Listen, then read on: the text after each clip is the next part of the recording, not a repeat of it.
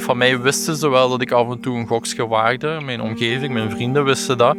Maar aangezien uh, het probleem echt heel verborgen was uh, en tot ik uh, eigenlijk achter de rug van iedereen mijn probleem zo liet groeien, wisten ze ook niet dat het zo erg kon zijn.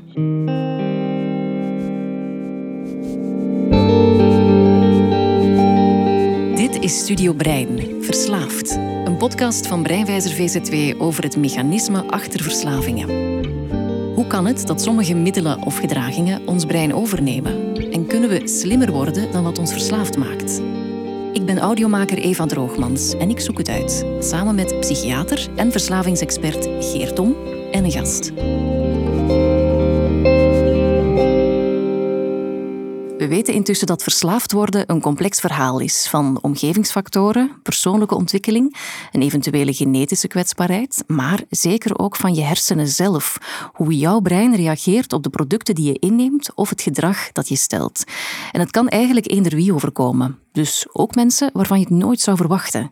Geert, in deze aflevering gaan we het hebben over dat clichébeeld hè, van de verslaafde en hoe dat eigenlijk niet strookt met de realiteit, maar ook over hoe verslaafden zelf hemel en aarde bewegen om die verslaving verborgen te houden. Ja, wij gaan het over cliché hebben en in je aankondiging verwerk je al een cliché. Oei, vertel. Verslaafden doen hun best om het allemaal verborgen te houden. Is dat niet zo?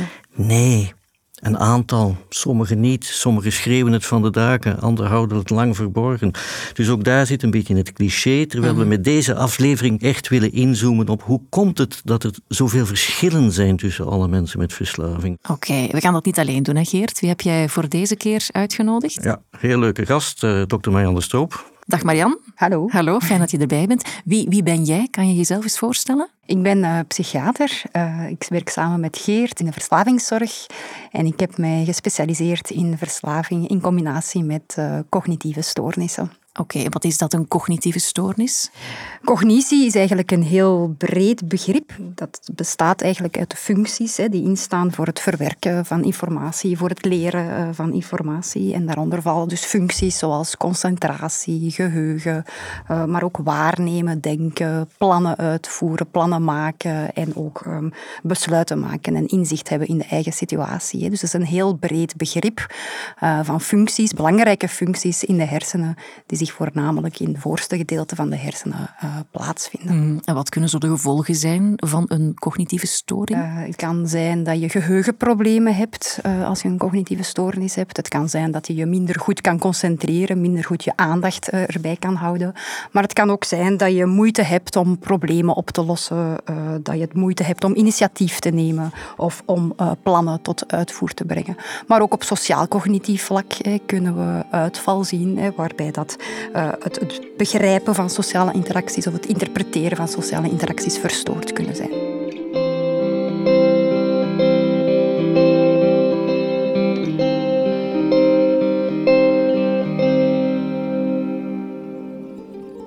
Het is uh, verbazingwekkend hoeveel mensen en hoeveel verschillende soorten mensen en klassen aan drugs doen iedereen, of bijna iedereen die ik ooit heb ontmoet, heeft sowieso wel ooit iets geprobeerd.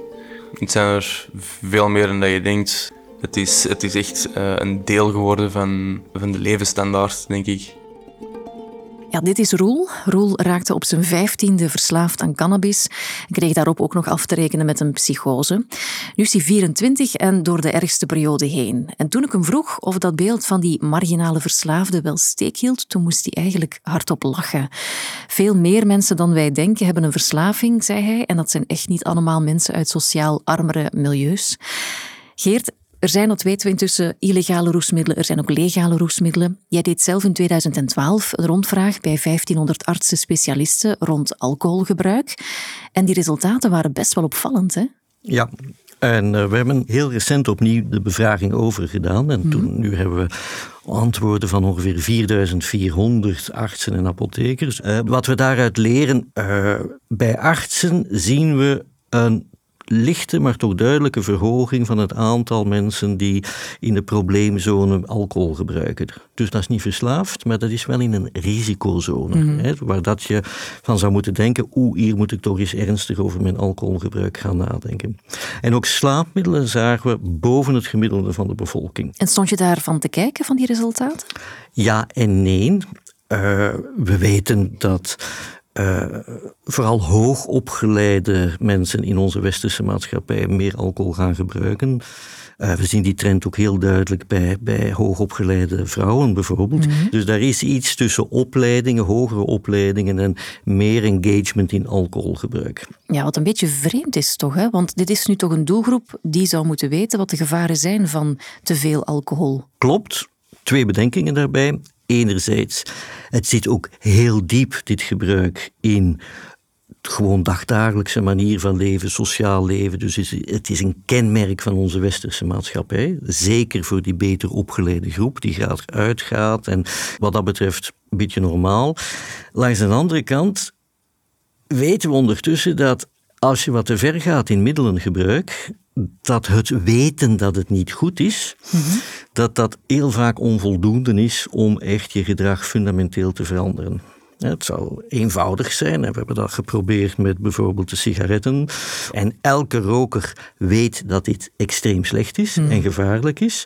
Maar dat weten op zich is onvoldoende om je bij te sturen. En dat is nu een van de essenties van verslavingsproblemen in de hoofdcriteria staat: ik blijf verder gebruiken ondanks negatieve gevolgen, ondanks dat ik weet dit is niet goed, terwijl de drive toch eigenlijk best mhm. wel heel hoog kan zijn. En dat geldt ook voor artsen. Dus ja, het weten zelf is niet altijd voldoende om uw gedrag te corrigeren. Mocht dat zo zijn, dan zou niemand meer roken dan zouden we allemaal op gewicht blijven. Hoe, hoe mooi zou dat zijn, Geert? Dat zou fantastisch zijn, maar in ieder geval, we zouden veel gezondheidsproblemen kunnen vermijden. Vandaar dat veel campagnes zich op die ratio mikken, ook behandelingen, informatie geven. En tegelijkertijd zien we dat ze niet zo effectief zijn, al die informatiecampagnes. Ze helpen een beetje. En ook in onze therapieën zien we dat als we te veel proberen te mikken om mensen bewust te maken van het gevaar en dergelijke, dat dat niet zoveel helpt en dat we dus erg zoekend zijn naar andere therapievormen die eerder dat drive-gedeelte, mhm. dat echt in de richting pusht om dat een beetje aan te pakken door oftewel te proberen die drive te verminderen, of ze in een andere richting te duwen, die drive, een gezondere richting. Een voorbeeld, nieuw voorbeeld van behandelvorm is bijvoorbeeld contingency management, waar we proberen echt die drive een beetje in een andere richting uit te sturen. Mhm. Ik zie jou knikken, hè, Marian? Ja. Contingency management is een therapie die wij toepassen in eh, de behandeling eh, bij psychose en verslaving. Contingency management betekent eigenlijk dat we uh, directe beloningen gaan voorzien op het moment dat de patiënt een clean urineonderzoek kan afgeven. En wat voor soort beloning is dat dan? Dat zijn gewoon geldelijke beloningen. Dus ze krijgen een bedrag, dat kan variëren van 1 tot 100 euro, dus daar zitten wel ook mooie bedragen bij. Maar het mooie van dit onderzoek en van deze therapievorm is dat dat je eigenlijk een directe beloner geeft, hè, net zoals drugs directe beloners zijn, en dat je dus eigenlijk uh, met die geldelijke beloningen een directe concurrent uh, vormt voor de beloner van drugs. Oké, okay, dat verrast mij eigenlijk um, dat je met geld mensen probeert te motiveren om, om dat foute gedrag te laten voor wat het is. Werkt dat echt in de praktijk? Werkt heel goed. Eigenlijk zijn de resultaten uh, verbluffend goed. Hè. Mensen blijven clean ja. door deze therapie. Maar daarnaast, en dat is ook toch ook heel belangrijk, we houden mensen in behandeling.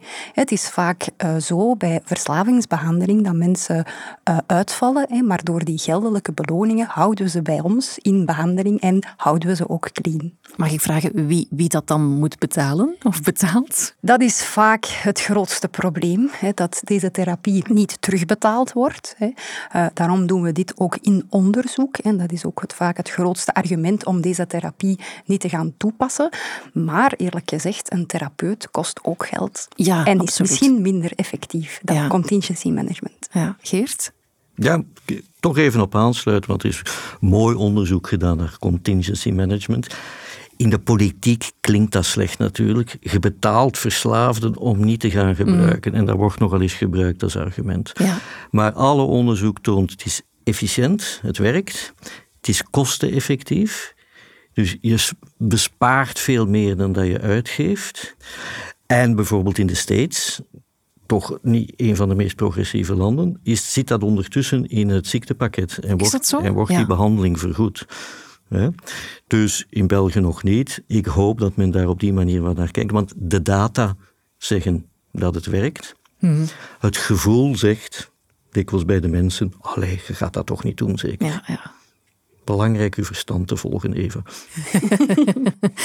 ik vind het, uh, om terug te keren naar uh, het onderzoek bij de artsen-specialisten, wel een beetje verrassend dat zoveel mensen wilden meewerken.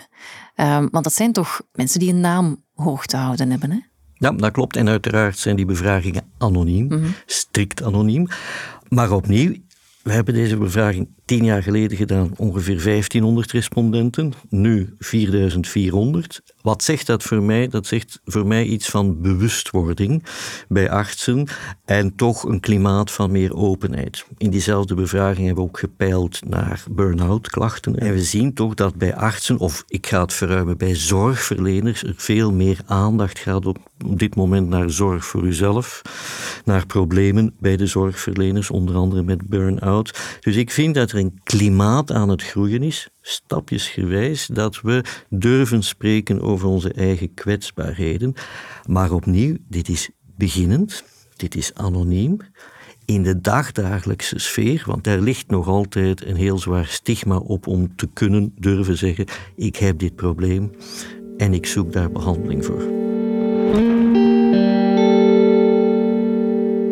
Je verslaving toegeven, dat is niet makkelijk, dat weten we. Veel mensen stellen dat moment ook zo lang mogelijk uit door al eens halve waarheden en hele leugens te vertellen. Arne, die lang met een gokverslaving worstelde, die herkent zich daarin. Een gokker is iemand die heel goed kan manipuleren. En ik zelf had natuurlijk ook een aantal maskers opgezet of, of mezelf aangeleerd dat ik wanneer ik in sociale situaties kwam bij vrienden of familie, dat eigenlijk mijn masker aandoelde dat alles goed ging met mij en dat er helemaal niets aan de hand was. Als het dan gaat over uh, geld vragen aan de familie, dan vertelde ik dat ik ergens naartoe moest en dat ik moest gaan tanken.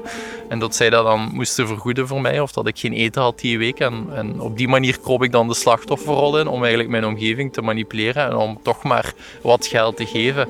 Uh, en als ik dat geld dan kreeg, dan ging er misschien 10% naar uh, die essentiële behoeften en de rest werd dan eigenlijk uh, gespendeerd aan het gokken. Ja, ik hoor veel maskers bij Arne. Nu, ik ben ook gaan praten met zijn moeder, met Patsy. En zij merkte toch al vrij snel vreemde dingen op. Ik had zicht op zijn rekening. En dan zag ik inderdaad wel bedragen wegvallen. Dat ik dacht van waar gaat daar naartoe? Waar, wat is dit? Dan vroeg ik dat aan hem. En dan had hij van ja, maar dat is voor dit. En altijd wel een uitleg, een halve waarheid zo. En leugens.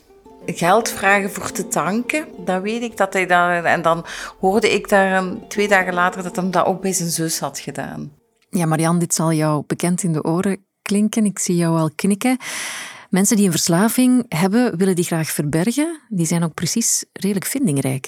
Dat klopt. Uh, zelfs op de afdeling kom ik het af en toe tegen dat uh, patiënten proberen hun verslaving te verbergen. Uh, heel uitzonderlijk hebben we het zelfs voor dat patiënten alcohol proberen binnen te brengen op de afdeling. Maar gelukkig zijn de verpleegkundigen en de medepatiënten ook heel erg attent en kunnen ze het vaak wel snel onderscheppen. Hè. Maar um, het verbergen heeft natuurlijk wel ook te maken met de ambivalente houding die mensen met verslaving hebben tegenover hun product of tegenover hun gedrag. Hè. Enerzijds kunnen ze ernstig in de problemen komen hè, op sociaal vlak, op financieel vlak, um, ten gevolge van dat gebruik. Maar daarnaast um, ervaren zij ook wel positieve zaken uh, van het gebruik. Hè. Toch zeker in de beginfase. Hè. Uh, als het gaat over alcohol, hè, een gezellig dineetje met wijn hè, of, of samen een sigaretje buiten roken en wat bijbabbelen. Hè, zo, zo begint het vaak. Hè. Maar ook um, nadien hè, blijven mensen met verslaving wel op zoek gaan naar die, die initiële roes. Hè, Waardoor dat het moeilijk is hè, om echt die stap te zetten hè, naar, um, naar hulpverlening en om die stap te zetten naar het zogezegd toegeven hè, van hun probleem. Um, omdat ze, als ze toegeven dat ze een probleem hebben, tegelijk vaak ook wel ja, de stap moeten zetten, of toch verwacht worden de stap te zetten naar abstinentie, geheel geheelonthouding, en waarbij dat ze dan ook die keuze moeten maken om al die positieve zaken die gepaard gaan bij gebruik ook te moeten laten vallen. En heel vaak gaat dat dus ook over het laten vallen van hun vrienden. Dat is iets dat ik heel vaak hoor bij patiënten. Ze moeten hun volledige vriendengroep, die allemaal drinken of allemaal cannabis gebruiken, allemaal laten vallen. En eigenlijk hebben ze niet direct een nieuw netwerk, clean netwerk, waar dat ze op kunnen terugvallen. Geert, kan jij je daarin vinden? Ja, ik denk heel belangrijk. Die ambivalentie die Marian mooi schetst. Ik denk dat we ook moeten meenemen dat als mensen heel veel aan het gebruiken zijn in die gebruiksperiodes, dat heeft toch behoorlijk wat effect op uw breinfuncties. Onder andere over wat men kan noemen, er zijn bepaalde delen in het brein die helpen om een stukje zelfinzicht, ziekteinzicht te mhm. ontwikkelen. En we zien in onderzoek toch duidelijk dat in periodes dat mensen heftig gebruiken, dat dat vermogen wat afneemt. Ook andere dingen zoals planning en concentratie en dergelijke. Dus sommige dingen die wij liegen dan noemen, zijn ook gewoon soms gewoon vergeten, om, zo maar eens te zeggen. Dus ik zou zelf ook wel wat af willen van die verslaving is gelijk aan liegen. Dat komt voor, af en toe, frequent, maar zeker niet veralgemeend. Hmm. En ik hecht daar nogal veel belang aan, want vroeger, lang geleden, bijvoorbeeld in de jaren 70, 80, was verslaving gewoon een criterium van een psychopaat. We zijn nu gelukkig vele jaren verder, maar vaak wordt nog de koppeling gemaakt. Het zijn leugenaars, bedriegers hmm. en dergelijke. Geldt echt niet voor iedereen, speelt een rol. En dat gedrag moet je een stukje leren kaderen. Ja. Stefanie, ook nog iemand met wie wij zijn gaan praten, die worstelde met een cocaïneverslaving, die herkent zich wel in dat verhaal van Arne met die maskers en het uh, vertellen van halve waarheden en leugens. Ik beloog iedereen. Ik heb uh, mijn moeder echt ja, ik loog van, eh, om, belde van mama, ik heb kleren nodig. Ik had bergen uh, stapels rekeningen liggen die dat ik eigenlijk niet kon betalen. Mijn, mijn drugs was zo duur dat ik zei van, ik heb kleren nodig, dat. Dan gaf die mij 2000 euro en die 2000 euro ging allemaal uit, uit gebruik. En ik, ik kon mij niet opbrengen van dat te vertellen, want wat voor een dochter zou ik dat niet geweest zijn voor mijn moeder. Marian, ik hoor hier nog iets. Hè? Eh, ik hoor hier ook schaamte als reden om die verslaving eh, te verzwijgen en angst voor de reacties van de omgeving. Ja. Schaamte is iets waar dat, um, mensen met verslaving heel vaak mee worstelen. Hè, met sterke schaamtegevoelens. Uh, ze schamen zich voor hun verslaving zelf en voor de gevolgen van de verslaving, maar ook voor ja, de moeilijke omstandigheden uh, waarin dat ze uh, leven, voor de dingen die ze als kind hebben meegemaakt. Hè. Die schaamte zit er vaak ook nog wel in. En het is vanuit die schaamte dat ze zich vaak ook wel gaan isoleren. Hè. En als ze zich gaan isoleren, is de stap om hulp te gaan zoeken natuurlijk um, des te kleiner. Hè. Uh, we zien dat schaamtegevoelens ook wel um, ja, negatieve gevoelens zijn hè, die kunnen maken dat ze dat gaan proberen te milderen hè, door te gaan gebruiken of door te gaan drinken. Hè. Dus op die mhm. manier komt je wel in een soort van vicieuze cirkel terecht waarbij dat de schaamte heel erg het gebruik kan in stand houden en uh, de stap naar hulpverlening verkleint. Geert, mensen met een verslaving hebben die geen inzicht meer in hun eigen situatie en in misschien de leugens die ze dan vertellen? Is dat eigen aan een verslaving? Wel, een beetje aansluitend op wat ik daarvoor zei. Het is zeker geen kenmerk van iedereen. En opnieuw, dat heeft vooral met die ambivalentie te maken, maar ook met je vermogen, als je heel veel aan het gebruiken bent, om echt de dingen in een juist perspectief te zetten. En we zien systematisch dat als mensen een paar weken clean worden, dat er schaamte naar boven komt en heel veel zelfbesef en heel veel zelfinzicht. Dus gebrek aan zelfinzicht ja, is, is geen kern van de persoon van de verslaafde. Mm. Kan wel onderdeel uitmaken van een periode van gebruik. Ja, Marianne, ik zag jou ja knikken. Ja, dat klopt zeker. Hè. Uh, nu daarnaast hè, zien we natuurlijk, hè, wat dat Geert zegt, hè, je hebt een heel aantal cognitieve functies nodig hè, om tot zelfinzicht te komen. Hè. Zelfinzicht is best wel een zeer moeilijk mentaal proces, hè, zo niet het moeilijkste mentale proces, hè, omdat je natuurlijk enerzijds ja, een zekere mentale flexibiliteit moet hebben. Hè. Je moet afstand kunnen doen hè, van je eigen uh, overtuigingen en, en nieuwe informatie mm -hmm. inpassen. Hè. En natuurlijk is het zo dat als mensen cognitief functieverlies hebben, dat die mentale flexibiliteit kan afnemen. Ik zie heel vaak mensen die bij mij komen, die een ernstige verslaving hebben, maar die overtuigd zijn van, ah ja, maar als ik hier buiten stap, dan ga ik gewoon terug naar mijn vorige job, terug naar mijn vorige relatie, terug naar mijn vorig leven, zonder dat ik hulp nodig heb. Maar die mensen natuurlijk, die zijn cognitief wel wat beschadigd, hmm. waardoor dat zij moeite hebben om die mentale flexibiliteit uh, aan de dag te leggen. Ja. Daarnaast, en dat is hetgeen dat Geert ook zegt, voor zelfinzicht moet je ook perspectief kunnen innemen. Je moet vanuit het perspectief van een ander naar jezelf kunnen kijken. Je moet daarvoor ja, afstand kunnen nemen eh, van jezelf. Vanuit een, een, een ander perspectief kunnen kijken. Ehm, en je moet dan eigenlijk proberen in te schatten wat de opvattingen zijn van een ander persoon tegenover uw mentale toestand. Hmm. Ook dat is een zeer complex mechanisme. We noemen dat ook wel eens theory of mind. Ehm, en we zien bij verschillende psychiatrische aandoeningen dat die theory of mind ook wel verstoord is. Wat natuurlijk maakt dat die mensen heel moeilijk hebben om zelfinzicht en ziektebesef te ontwikkelen, los van hun verslaving.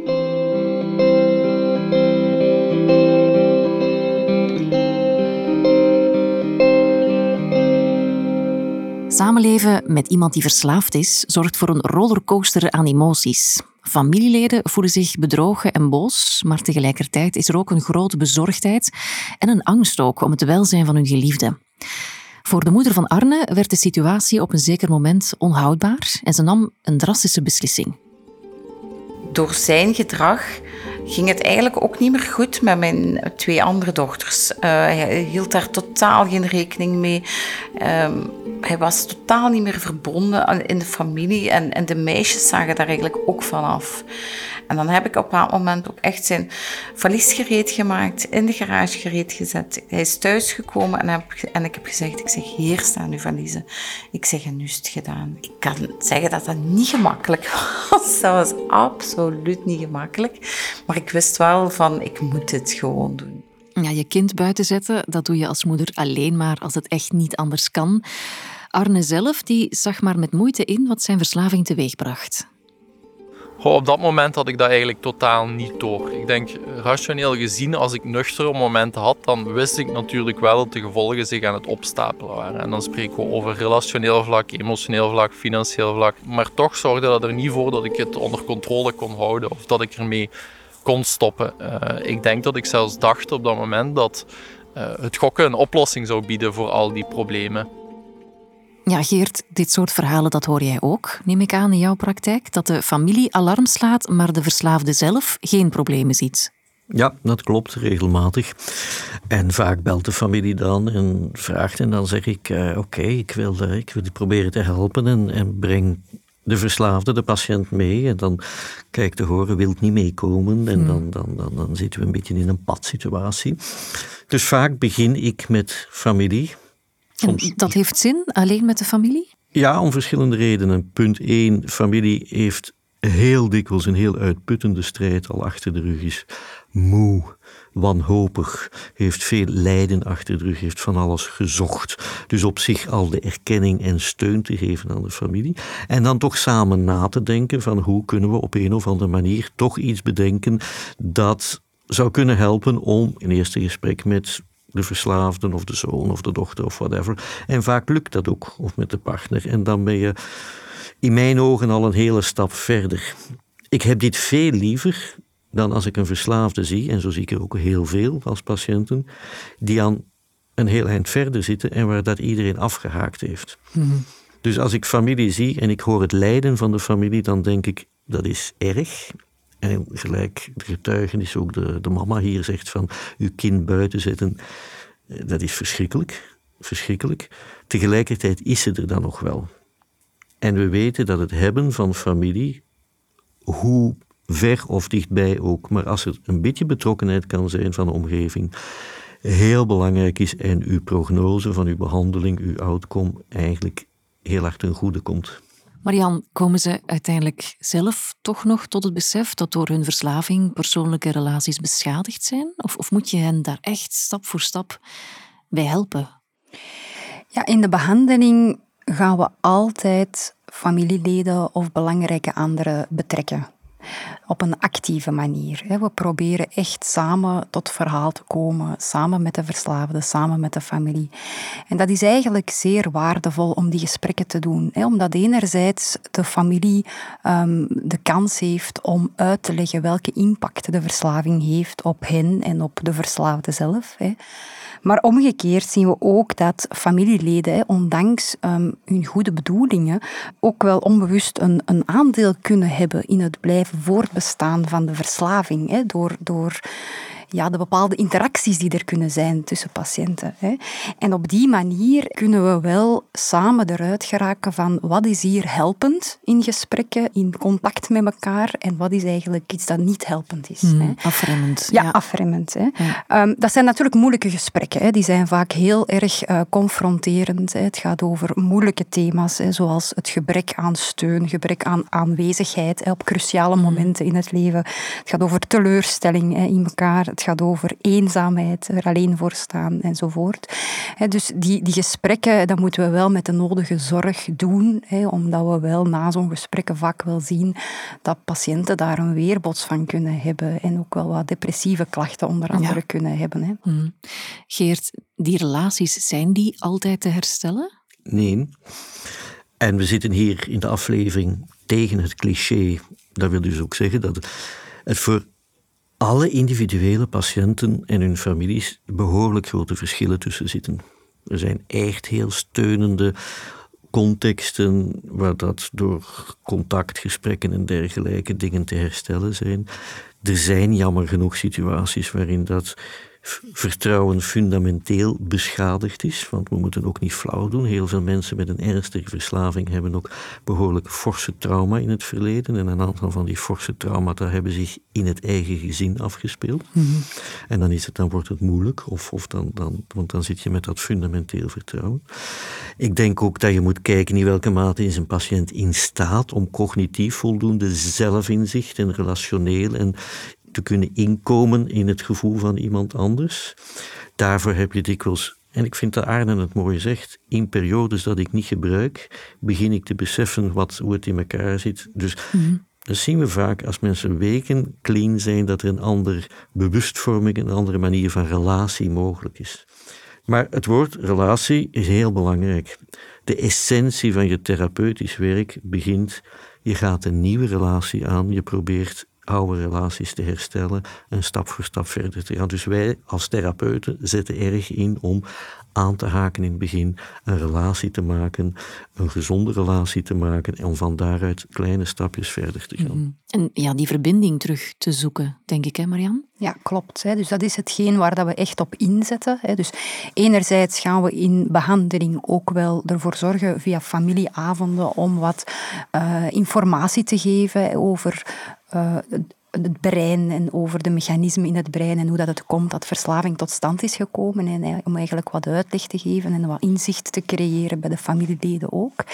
Daarnaast proberen we ook verbinding te maken in de gesprekken tussen familie en de patiënt zelf. Dat zijn dan meer individuele gesprekken.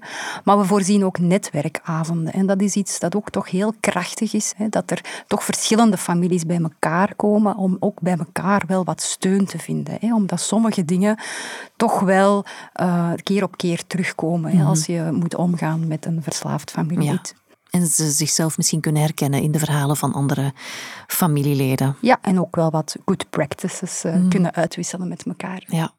Arne, Roel en Stefanie hebben op tijd ingegrepen, al hadden ze daarvoor wel een absoluut dieptepunt nodig. Roel die kreeg een grote paniekaanval die hij heel erg beangstigend vond en waardoor hij ook hulp is gaan zoeken. En Stefanie die zakte plots door haar benen in het midden van de straat. Drie jaar geleden nu uh, hebben ze mij moeten reanimeren op het midden van de straat. Ik was zeven dagen wakker. Ik wou wel gewoon niet meer leven. Ik zeg, ik wou niks niet meer.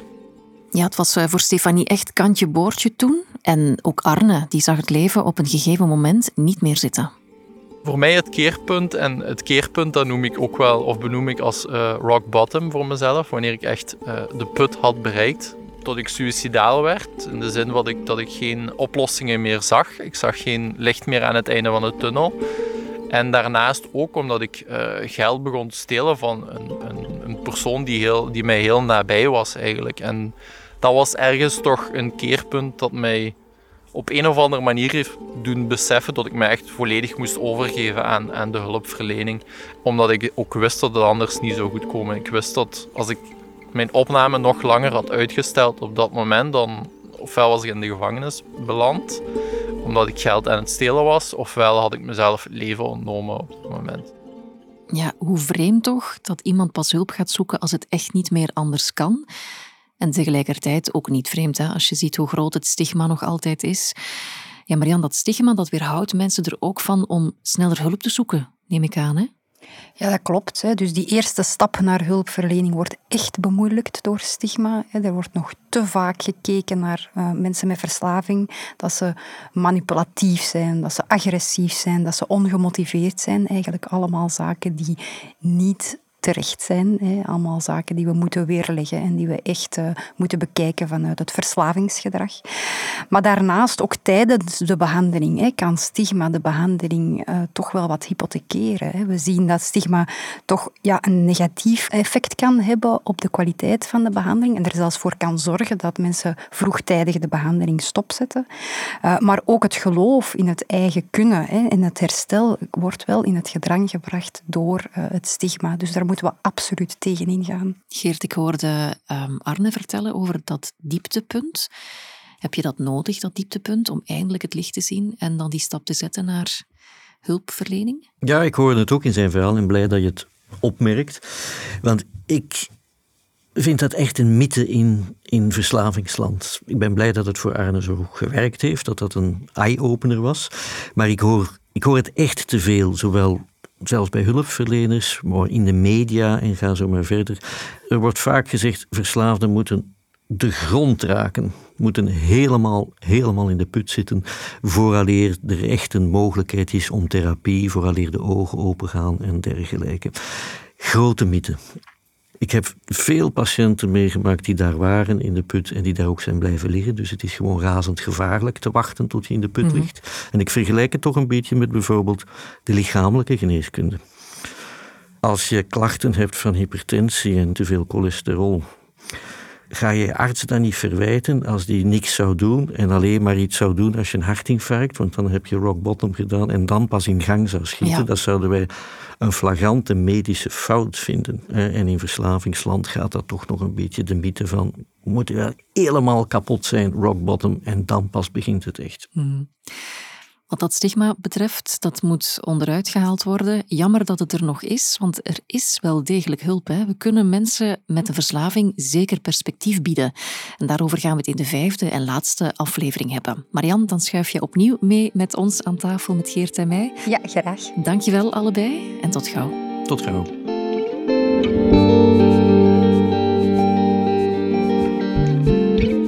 Dit was de vierde aflevering van Studio Brein Verslaafd, een podcast van Breinwijzer VZW.